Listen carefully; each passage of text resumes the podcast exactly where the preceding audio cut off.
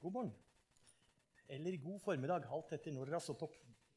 Eh, jeg er, jeg er veldig glad for at vi kan møtes på Frimisjon til gudstjeneste igjen. Jeg syns det siste ja, halvannet året har gått slag i slag med begrensninger for vanlige gudstjenester. Om det har vært koronaen eller det har vært en lang sommerferie vi har hatt.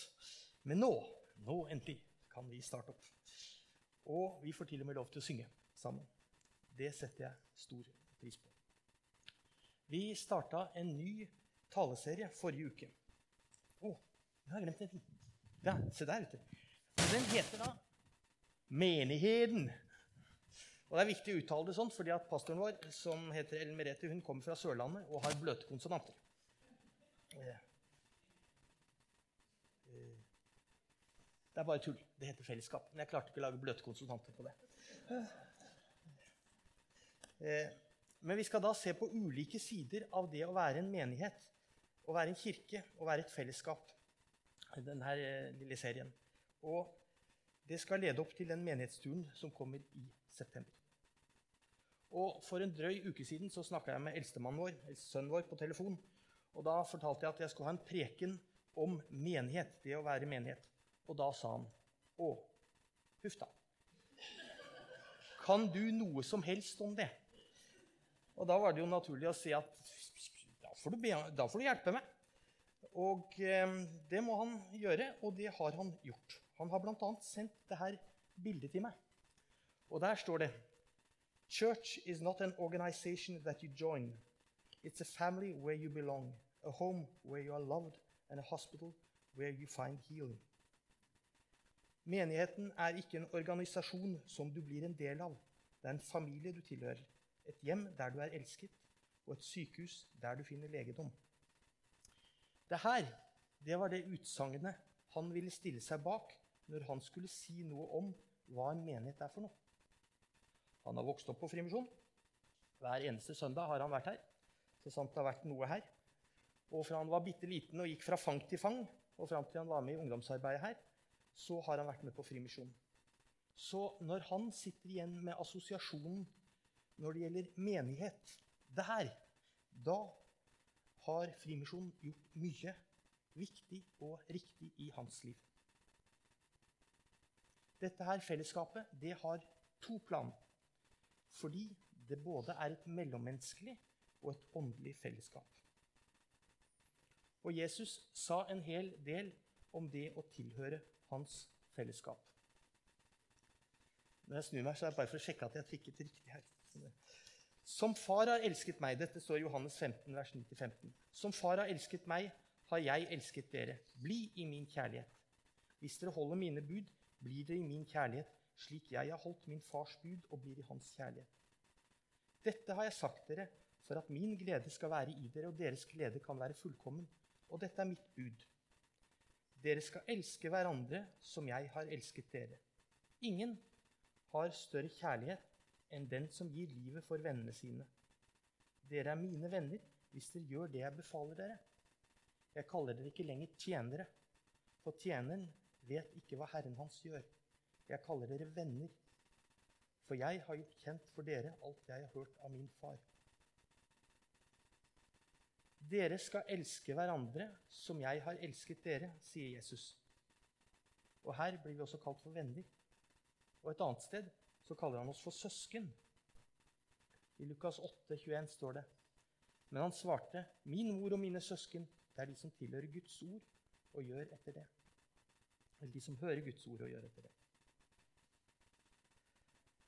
Jesus kaller flokken av sine tilhørere for venner og søsken. Og Da skal vi samtidig huske at selv om vi leser mest om Jesus og de tolv disiplene hans i Det nye testamentet, så var det tidvis en mye, mye større gruppe som gikk sammen med Jesus. Og når han samla de virkelig store menneskemengdene, så var det flere tusen som møtte opp. Og han kalte dem for venner, og han kalte dem for søsken.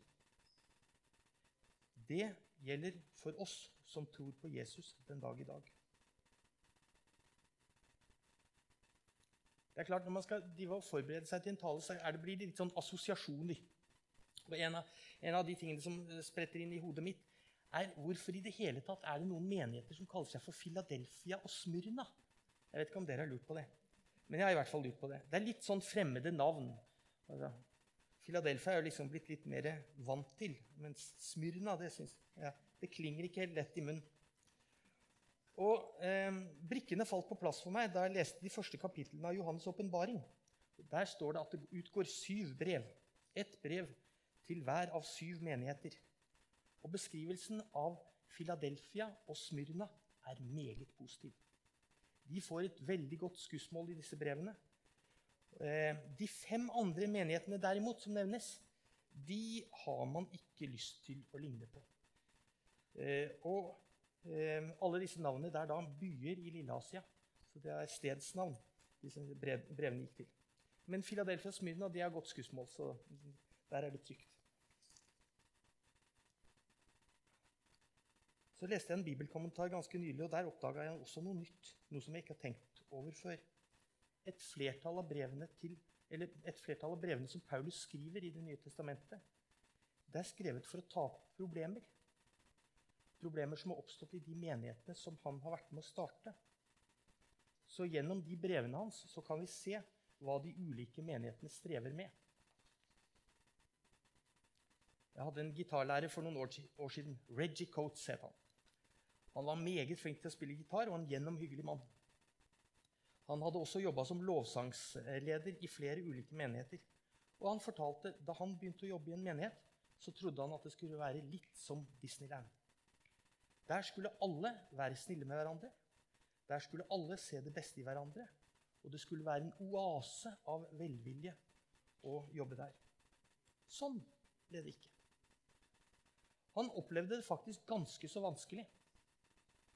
Og mange mente mye om musikken han spilte i menigheten. Og så etter hvert mista han alle illusjoner om det å jobbe i menighet. Det var slett ikke slik han hadde sett det for seg at det skulle være.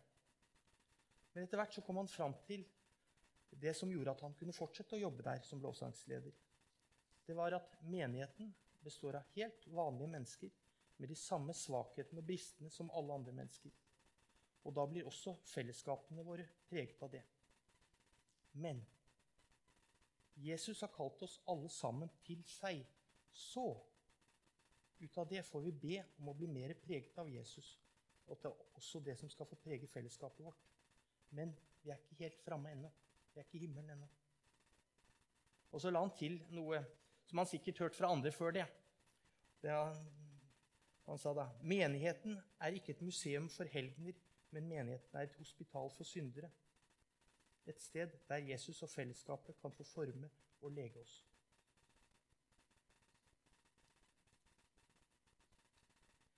Eh, selv første korinterbrev, som Paulus skrev, handler om en menighet som strever med å finne fred mellom hverandre i menigheten. Og jeg vil tro at mange av dere har enten lest eller hørt fra første korinterbrev, gjerne i et bryllup. Og der står det i første vers om jeg taler med mennesker og englers tunge, men ikke har kjærlighet, så er jeg bare drønnende malm eller en klingende bjelle. Så står det mye annet fint. Og til slutt, i vers 13, så står det Så blir de da stående, disse tre. Tro, håp og kjærlighet. Men størst blant dem er kjærligheten.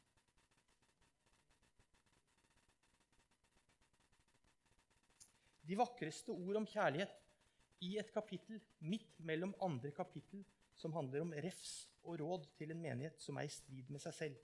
Og de er uenige i det meste i Korint. Disse ordene om hva kjærlighet er, og hvordan kjærligheten skal få vise seg i livet til oss alle, disse ordene her, de ble ikke først og fremst skrevet for at vi skal ha noe fint å lese i et bryllup der de som gifter seg, forhåpentligvis er enig i alt som står der. De er skrevet som et varselrop til en menighet som strever, til et fellesskap som er i strid med seg selv. Det er denne kjærligheten som skal forme våre liv og våre fellesskap. Og Nå syns jeg kanskje at jeg har blitt litt negativ. Jeg har ikke sagt så veldig mye positivt foreløpig.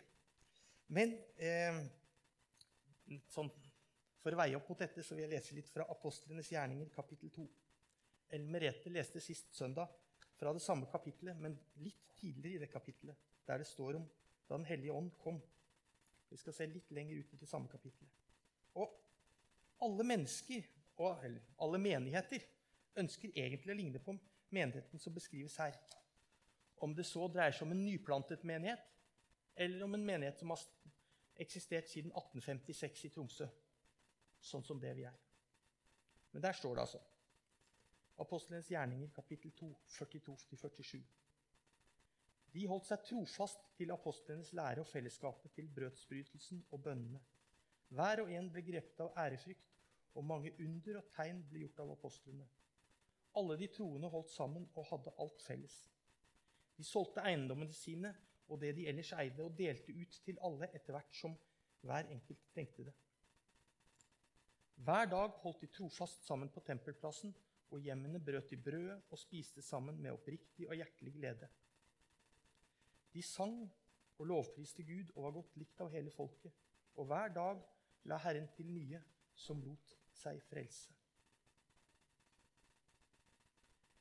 Dette er beskrivelsen av den første menigheten som ble startet. Og den menigheten er det alle menigheter egentlig ønsker å være. I går så hadde jeg gleden av å være på noe som heter Saturday Morning Men's Bible Study. Det er en munnfull av en uh, tittel, men det er nå den som er der. Og Der spurte jeg han Tor Jonny om hva han kunne si om hva han likte best med det å være en del av fellesskapet her på Frimisjon.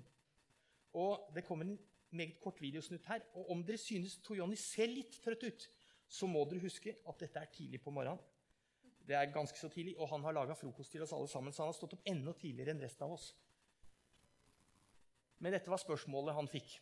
Og nå er det litt lyd, så håper vi eh, at eh, vi får med lyd nå. Det er begynnelsen.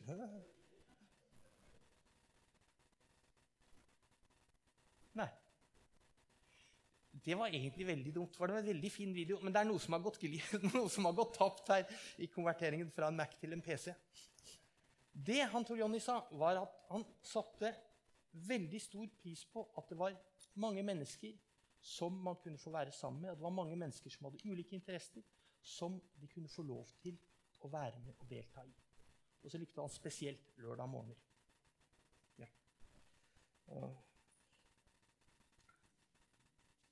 Men vi kan jo lure på da hvorfor vi skal være en del av et fellesskap utenom de, å møtes de 60-90 minuttene her på søndag formiddag. Og Det er flere svar på det spørsmålet. Det er umulig å svare på alt nå, men skal forsøke noen av svarene. Et av dem synes jeg for så vidt det siste halvannet året har besvart sjøl. Vi har forskjellige behov for å møtes. Noen må ha mennesker rundt seg hele tiden og andre foretrekker mer alenetid.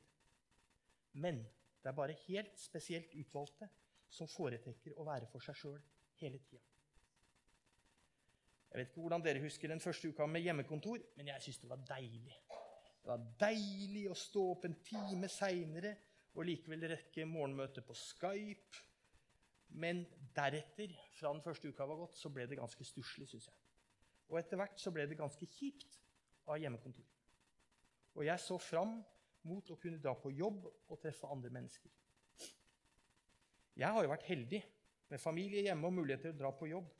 Andre har ikke hatt noen av de mulighetene. Ungedata kom med noen tall for ensomhet eh, blant ungdom. Og før koronaen sa 25% av ungdommen at de følte seg ensomme. Etter halvannet år med korona så har Røde Kors gjort en undersøkelse og der svarte 70% at de var ensomme. Og bildet av de her, det er eh, I 2019 så utnevnte England den første ministeren for ensomhet. Og i Japan så gjorde de det samme i 2021.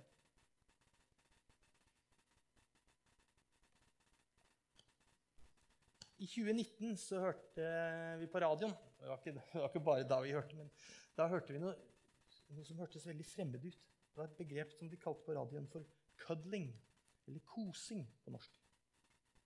Og det har blitt en blomstrende industri. Det finnes nå flere firma som averterer med bilder om at man kan leie en person for en time eller to. Og det dreier seg om at de skal leie noen for å bli holdt rundt.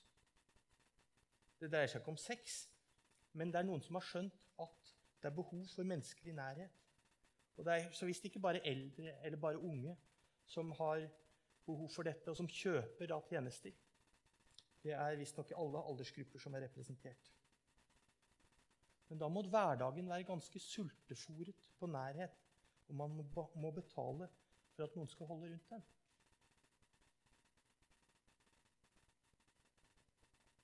I fjor høst var det et intervju på, intervju på Dagsrevyen. Det var en ung mann som eh, hadde nettopp kommet til Oslo og skulle begynne å studere teologi der. Og Han eh, fikk flere minutter i beste sendetid der han sa at han følte seg både ensom og usikker. Han hadde begynt et nytt studium, han var i en ny by, og det var store begrensninger i muligheten til å bli kjent med andre mennesker.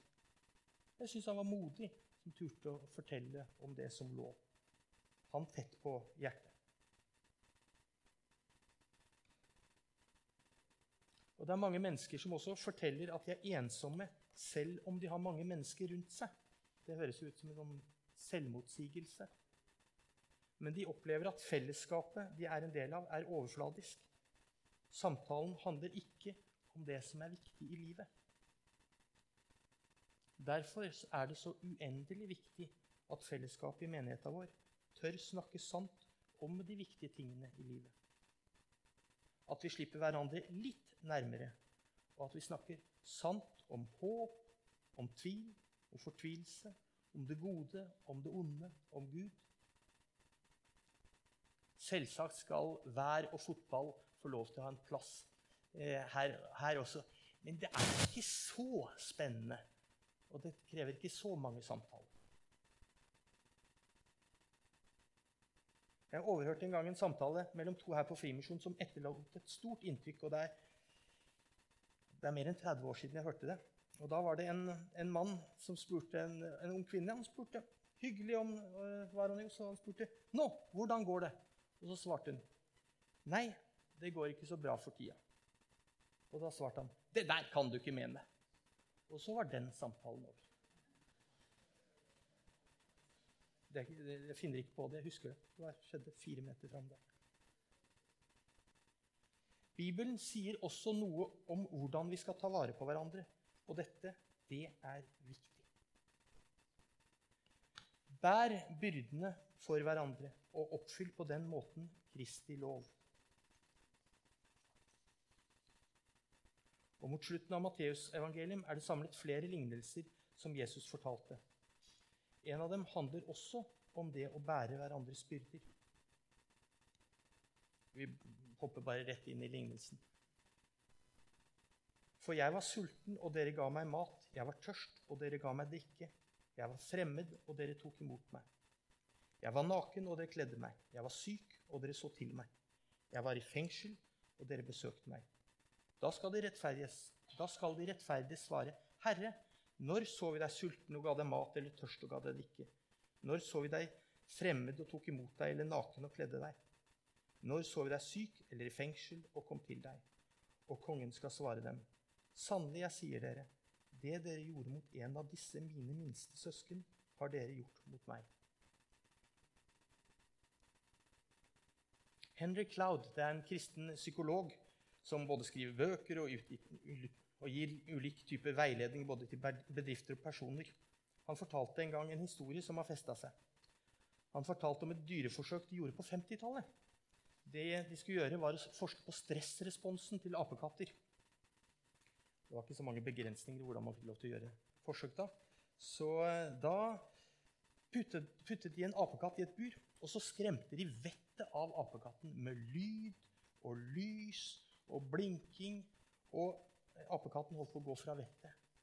Og alle de stressresponsene de kunne måle, den, de føyk i taket.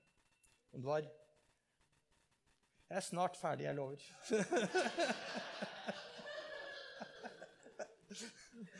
Jeg har fått en viss antitid. Jeg går litt over.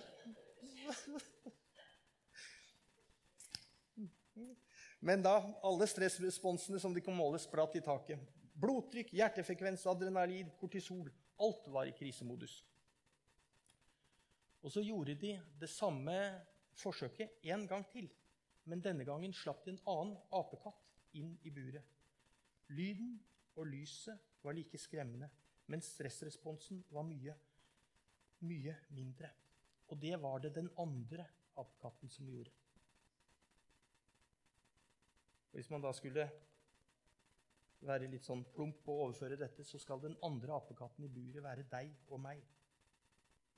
Hvis, og det må det være hvis vi skal ta på alvor Bibelens ord om å bære hverandres byrder.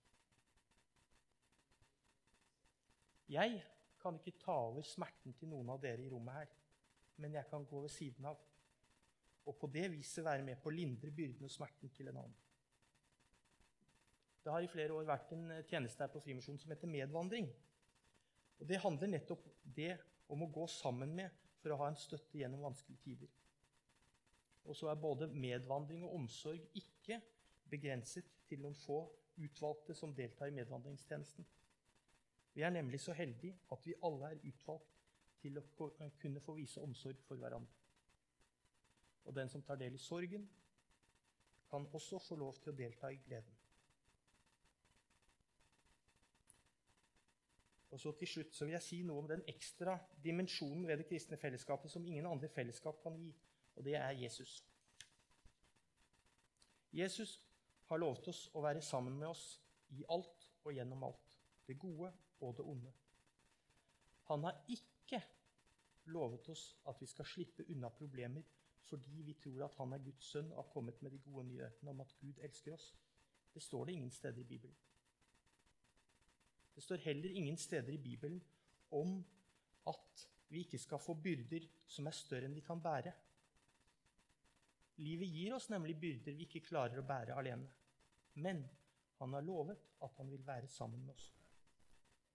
Og der er en av hemmelighetene ved fellesskapet ligger. Jesus har lovet å være med oss alle dager. Vi har nemlig et fellesskap med andre mennesker og med Jesus i det samme fellesskapet. To igjen.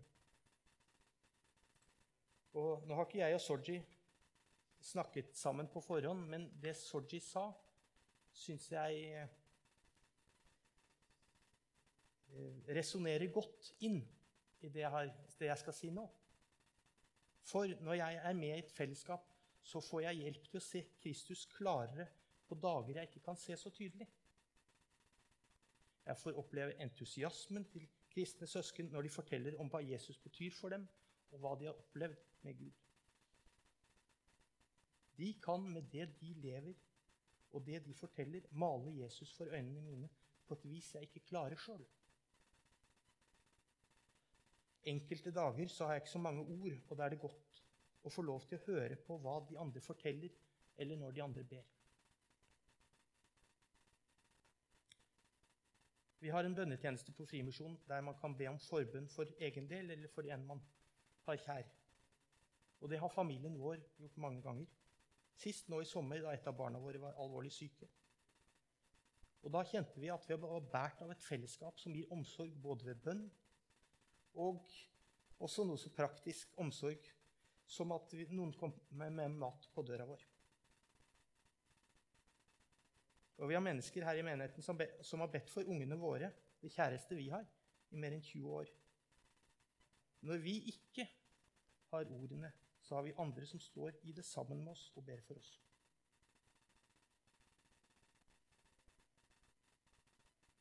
Opp gjennom årene så har jeg også andre opplevelser av å tilhøre et fellesskap av kristne som jeg ikke kjenner, men som jeg får lov til å dele livet med.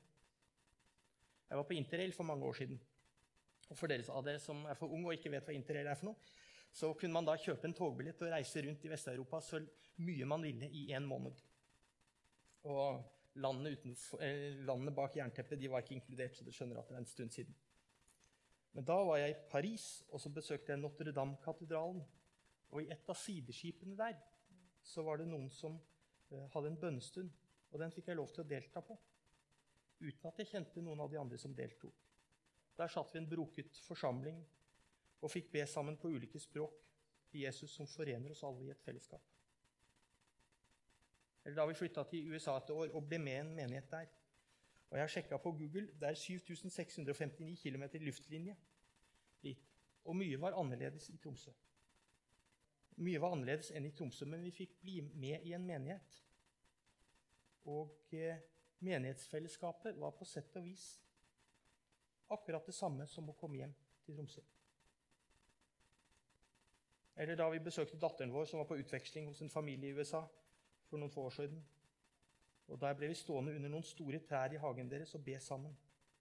Det er noe som binder sammen utover landegrenser. Jeg skal avslutte med å si bare en stor oppfordring til alle dere som er her i dag. Ta del i fellesskapet. La deg bli båret av andre når det er behov for det. La deg bli båret av Jesus, og bær andre sjøl. Det gir et rikere liv. Ikke bare begrens eh, menighet til 60 minutter på søndag. Eller fordi jeg har brukt så lang tid nå, 75. Men kanskje kan noe så enkelt som kirkekaffen nå i dag utvide deltakelsen i fellesskapet herfra. Skal vi be sammen?